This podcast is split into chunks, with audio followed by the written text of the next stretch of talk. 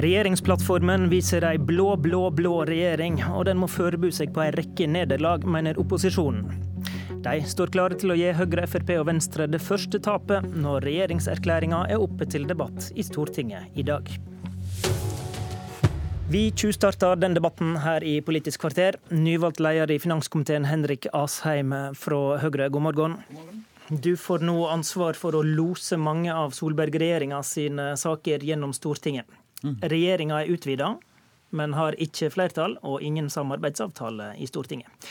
Hva manøvreringsrom ser du som gjør at du kan få gjennom mest mulig? Ganske stort, gitt at Stortinget er interessert i å diskutere politikk og bryte argumenter og komme frem til løsninger. Vi er en mindretallsregjering som er utvidet helt riktig til nå 80 mandater i Stortinget. Det betyr at vi har flertall med alle partier i Stortinget, unntatt Rødt og MDG. Eh, og vårt foretrukne samarbeid er jo med Kristelig Folkeparti. Det er dem vi har laget nå det femte statsbudsjettet sammen med. Det er dem vi har laget mange av de store reformene med. Så dette er jo en regjering som er styringsdyktig, og som har et flertall i Stortinget. Fordi de fire samarbeidspartiene som gikk til valget i 2013, gikk også til valget i 2017 på fortsatt Erna Solberg Høyre-styrt regjering. Det har vi fått, og nå styrer vi landet videre. Hmm. Vi skal la deg eh, få bryne deg på de to største opposisjonspartiene her eh, nå i denne sendinga, Ap og Senterpartiet. Marit Arnstad, parlamentarisk leder i Sp. Senterpartiet har tenkt å bruke dagen til å advare mot en ny type parlamentarisme. Hva ligger i det? Nei, Det er den såkalte solbergske parlamentarismen, som kan oppsummeres i tre ting. Eh, det ene er at et regjeringsparti kan få lov å motarbeide sin egen regjering med stadig å stemme imot regjeringa i Stortinget. Det gjorde Frp i forrige periode, og det starta Venstre med nå i januar. Eh, det andre er at Forsvaret for en sak blir outsourca, nærmest. Eh, til ett parti, det er partiet som har vunnet seieren. Sånn at statsministeren kan stå på TV-en og si at nei, pelsdyrnæringa det var Venstres ansvar, for det var Venstres seier. Og det tredje er da at eh, en regjer samla regjering kan avfeie splittende og uklok retorikk fra en av statsrådene med enkelt å si at nei, jeg ville jo ikke brukt det ordet, eller nei, nå må vi diskutere saken og ikke ordene. Eh, og dermed tar ingen ansvaret for den retorikken og den ordbruken som enkeltstatsråder da kommer. Men det du tegner et bilde av her, er vel at en regjering er sammensatt av forskjellige partier, og det må vel være greit? Eh, jeg tegner et bilde av en regjering som ikke tar et helhetlig ansvar. Eh, der at en ikke tar et samla ansvar for de kompromissene en inngår. Eh, der en slipper løs partiene i Stortinget til å stemme annerledes enn regjeringa. Der en også bruker forklaringene om at ett parti vant en seier, i stedet for å ta et helhetlig ansvar for et kompromiss, og også at en ikke er villig til å ta ansvar når en statsråd kommer med retorikk som er åpenbart splittende. Henrik Asheim, et splitta lag er det Arnstad tegner bilde av her. Hva slags eh, parlamentarisme blir dette? For det første så tror jeg, Hvis du så på valgresultatet i 2017, så tror jeg velgerne oppfattet nettopp at Erna Solberg og hennes prosjekt var de som tok ansvar, og som også sto i noen tøffe prioriteringer når opposisjonen løp alle veier. Og Det er det vi fortsetter å gjøre. Vi tar de langsiktige, tøffe prioriteringene. Så er det helt riktig at vi er tre partier som sitter i regjering. Og noe av det som vi, altså Jeg skjønner at disse to som jeg har med meg, da, eh, har jo vært statsråder begge to i en flertallsregjering. Og Da gjøres alt opp på bakrommet, og så skal man stå veldig samlet utad og late som at ikke det har vært noen noen diskusjoner. Ingen tror på det. Hvorfor kan man ikke bare si det som det er? Det er uenighet mellom partier. Man forhandler om saker. Og jeg tror både SV og Senterpartiet i den forrige regjeringen fikk gjennom ting som det egentlig ikke var flertall for på Stortinget, fordi Arbeiderpartiet ga innrømmelser. Hvis du ser ut i Europa nå, så er det veldig mange partier som ikke vil ta ansvar og ikke vil sitte i regjering. Du kan reise til Danmark. Det største opposisjonspartiet sier vi vil ikke sitte i regjering. Her har du tre partier som tar ansvar bryner seg på politikk, foreslår ting i Stortinget og forsøker å få mest mulig gjennom. Og at Senterpartiet mener det er et problem at man faktisk da viser diskusjon og åpenhet og fremmer politikk, det syns jeg er veldig spesielt. Du satt i en ganske lukka regjering sjøl, Arnstad. Jeg satt i sentrumsregjeringa, som var en mindretallsregjering. Det var aldri aktuelt for noen i sentrumsregjeringa noen av partiene får lov å stemme imot sin egen regjering. Eh, sånn som nå Frp har fått lov å gjøre når det gjelder snuseloven, når det gjelder DAB, når det gjelder spillpolitikken, når det gjelder trygdeoppgjøret. Hva er problemet med det? da? Det er jo at du motarbeider din egen regjering gjennom at stortingsdelen av et parti får lov å stemme imot sin egen regjering. Det var aldri aktuelt i sentrumsregjeringa. Eh, det var aldri aktuelt for Kjell Magne Bondevik som statsminister å akseptere en splittende og uklok retorikk fra en av sine statsråder. Da tok han tak med en gang. Det var aldri aktuelt. Og, og, og i det rød-grønne prosjektet der eh, var det ingen debatter som lakk ut i offentligheten i det hele tatt. Men i, det, i rød-grønne regjeringa så forsvarte vi kompromissene fullt ut. Jeg mener Espen mm. Barth Eide som satt her, han var kanskje i utgangspunktet ikke så veldig glad Han var i utgangspunktet kanskje ikke så veldig glad for ostetollen, men han forsvarte helt og fullt når, det, når regjeringa har tatt et felles standpunkt omkring det. Men det, altså- det, det, det, som er forskjellen her, er at du blander storting og regjering. Nei, det gjør jeg ikke. Jo, det gjør du, fordi Nei. du sier at siden Barth Eide ble påført nederlag på ostetollen, så sto han heldigvis og forsvarte det. Og det gjorde alle Ap-representantene i Stortinget òg.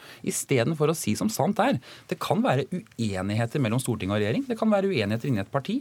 Og noen ganger så avdekkes også det. Og jeg tror velgerne setter langt men, mer pris på åpenhet om det, det enn den typen sånn strømlinjeforma sosialdemokratisk prat. Det brukes til ikke å ta en helhetlig ansvar, og det er dagens problem. Nå har dere name-droppa Espen Barth Eide så mye her at han må få ordet. Barth Eide, hva, hva, ser du på som, det, eh, som idealmodellen i det vi diskuterer her nå? Ja, først vil jeg gratulere Henrik Asheim med, med ny posisjon. og Vi ser frem til å samarbeide med ham. Men det er jo helt riktig at uh, i den rød-grønne regjeringen som jeg var med i, så la vi stor vekt på at vi hadde gode diskusjoner. Og selvfølgelig tre partier kom med ulike synspunkter, men så oppsummerte vi en helhetlig politikk, og så sto vi samlet bak den. og Det tror jeg gir et veldig godt inntrykk utad til folket og i uh, regjeringen. Det er noe annet enn å være åpen på at man har brytninger på veien dit, men når man har et standpunkt, så står man sammen om det. Og det gir en mer kraftfull regjering, mener jeg, enn det som vi ser nå nå med det, det som Marit Arnstad godt har beskrevet som den solbergske parlamentarisme. Men når det gjelder det vi skal snakke om i dag, som er altså uh, denne regjeringserklæringen vi hørte i går, så vil jeg si at det vi hørte fra statsminister Solberg i går, det var som en uh, relativt god nyttårstale. Det var uh, altså like lite presist. Så for å forstå hva politikken er, så må man se gårsdagens erklæring i sammenheng med regjeringsplattformen fra Jeløya. Og Ser man på det, så ser vi en blå, blå, blå regjering. Dette er tre høyrepartier som er funnet sammen. Det er tre høyrepartier som er enige om eh, mer privatisering og omsorg, om eh, et skattesystem som øker forskjellene mellom folk, og, eh, og som går løs på en del av de grunnleggende verdiene som er etablert i norsk arbeidsliv. og Det bekymrer meg for veien videre.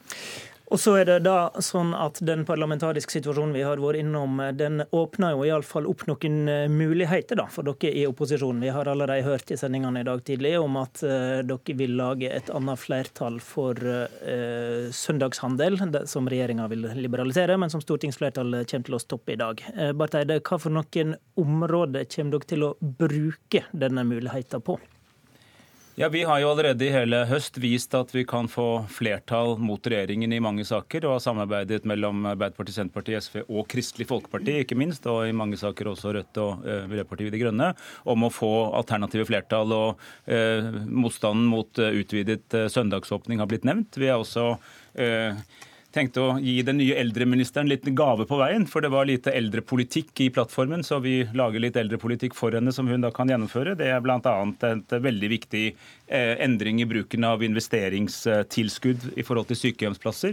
Regjeringen ville bare bruke det på å bygge nye. Vi åpner opp for at det også kan brukes på å pusse opp de vi allerede har, som ofte kan være vel så rasjonelt, vel så økonomisk. Altså gå fra tomannsrom til enkeltrom, eh, installere bad osv. Og, og et veldig viktig, eh, en veldig viktig økning når det gjelder statlig tilskudd på dement, på bolig for demente. Hovedkritikken som du tegner her, er en høyredreiing. Er det, er det på det området dere vil finne alternative flertall da, på det du påstår er en høyredreiing? Ja, For oss i Arbeiderpartiet så er det viktig å søke flertall for å forsvare Eh, noen helt grunnleggende rettigheter på arbeidslivet. Sørge for eh, organisasjonsgrad, sørge for at eh, fast arbeid er hovedregelen f.eks.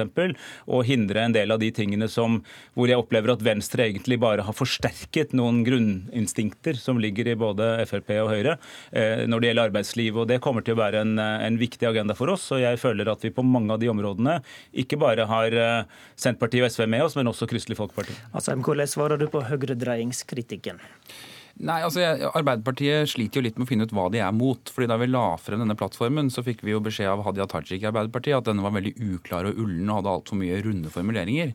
Nå er vi tydeligvis så uklart ulne høyredreide, og det er noe nytt. Men faktum er at det denne plattformen faktisk sier, det er at den trekker opp seks store utfordringer som Norge står overfor. Og så er ikke vi tre partier i regjering som har forelsket oss i enkelt virkemidler for å nå målene våre, men vi er veldig tydelige på hvor vi skal. Og Det er jo også også fordi vi ønsker å gå til Stortinget med forslag til løsninger. Hvis det kommer andre forslag fra stortingspartiene, så er vi veldig åpne for det. Men her tror jeg vi hører to opposisjonspartier som har bestemt seg for at målet er flest mulig som nederlag, flertall. Istedenfor å si vi er valgt av folket til å ta ansvar for landet, og da må vi ta det sammen. Arnstad. Ja, altså Regjeringas mindretall er jo ikke Stortingets ansvar. Det er jo regjeringa som er i mindretall, som har et ansvar for å få ting igjennom i Stortinget. Eh, nå er det sånn at Plattformen den inneholder noen åpenbare omkamper der at eh, regjeringspartiene vet at det ikke finnes flertall i Stortinget. Søndagshandel var en av dem. Odelsloven og eierrettighetene i landbruket er en annen sånt område. Og så er det noen områder der jeg tror regjeringa må forberede seg på at stortingsflertallet tenker annerledes enn regjeringa. Det gjelder jeg, både sentralisering, kommunereform, det gjelder helsepolitiske spørsmål, det gjelder arbeidsliv.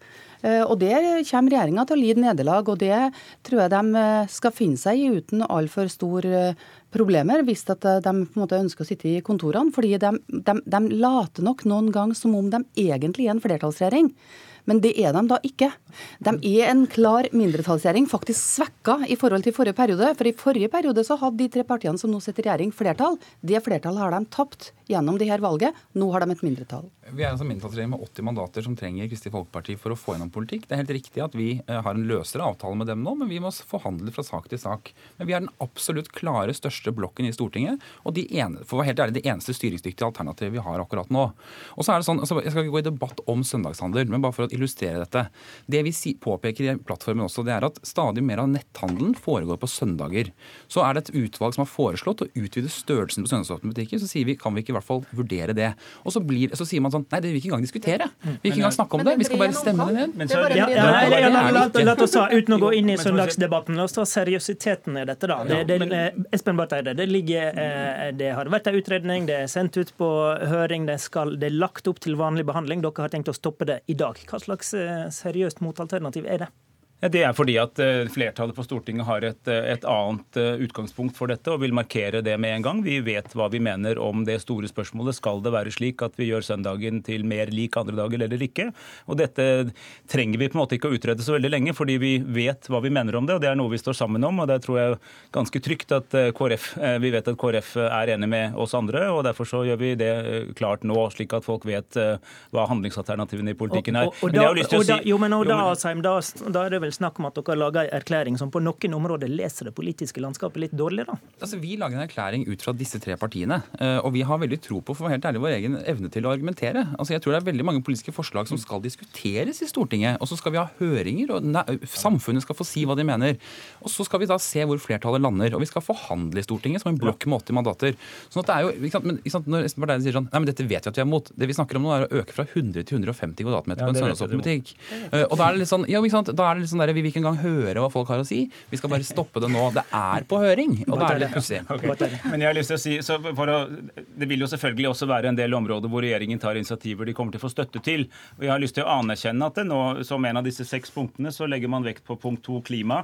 Eh, og der eh, på de overordnede retoriske plan så er det ingen tvil, ingen tvil om at vi er alle enige om det som står der. Det viktige blir jo hva som skjer i praksis.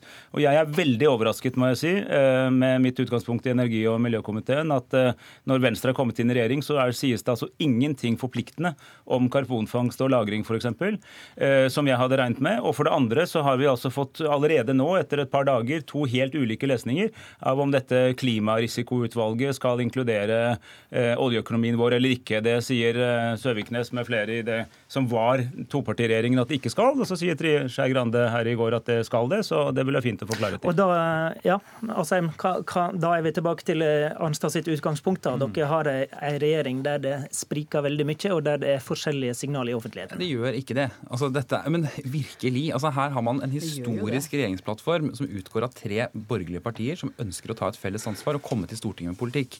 Og så har man en opposisjon som egentlig er mest opptatt av å bare være mot. altså Man har bestemt seg for å være mot det regjeringen kommer med, istedenfor å diskutere saker som er viktige for vanlige folk. Og En av de viktigste dugnadene vi foreslår og påpeker at vi må gjøre noe med nå, det er å få flere mennesker som står utenfor arbeidslivet, inn i arbeidslivet. Der kommer det selvfølgelig til å komme en lang rekke forslag som ikke står i plattformen, mm. men som opposisjonen er veldig velkommen til å diskutere da med oss. Da dro vi opp enda en debatt, merka jeg. Arnstad til slutt. Jo, men altså, Det spriker jo i alle retninger. Vi har en statsminister som, ikke, statsminister som ikke engang klarer å ta ansvaret for den seieren Venstre har fått når det gjelder å legge ned pelsdyrnæringa. Hun står på Dagsrevyen og sier at dette er Venstres seier og Venstres forslag. Vi har, altså et, vi har altså et regjeringsparti som starter sin regjeringskarriere med å stemme imot regjeringa. Det, det, det spriker i alle retninger. Tror jeg vi har nevnt 15-16 politiske stridstemaer som vi kan snakke mer om utover våren. Det gleder vi oss til. Takk for i dag. Programleder var Håvard Grønli.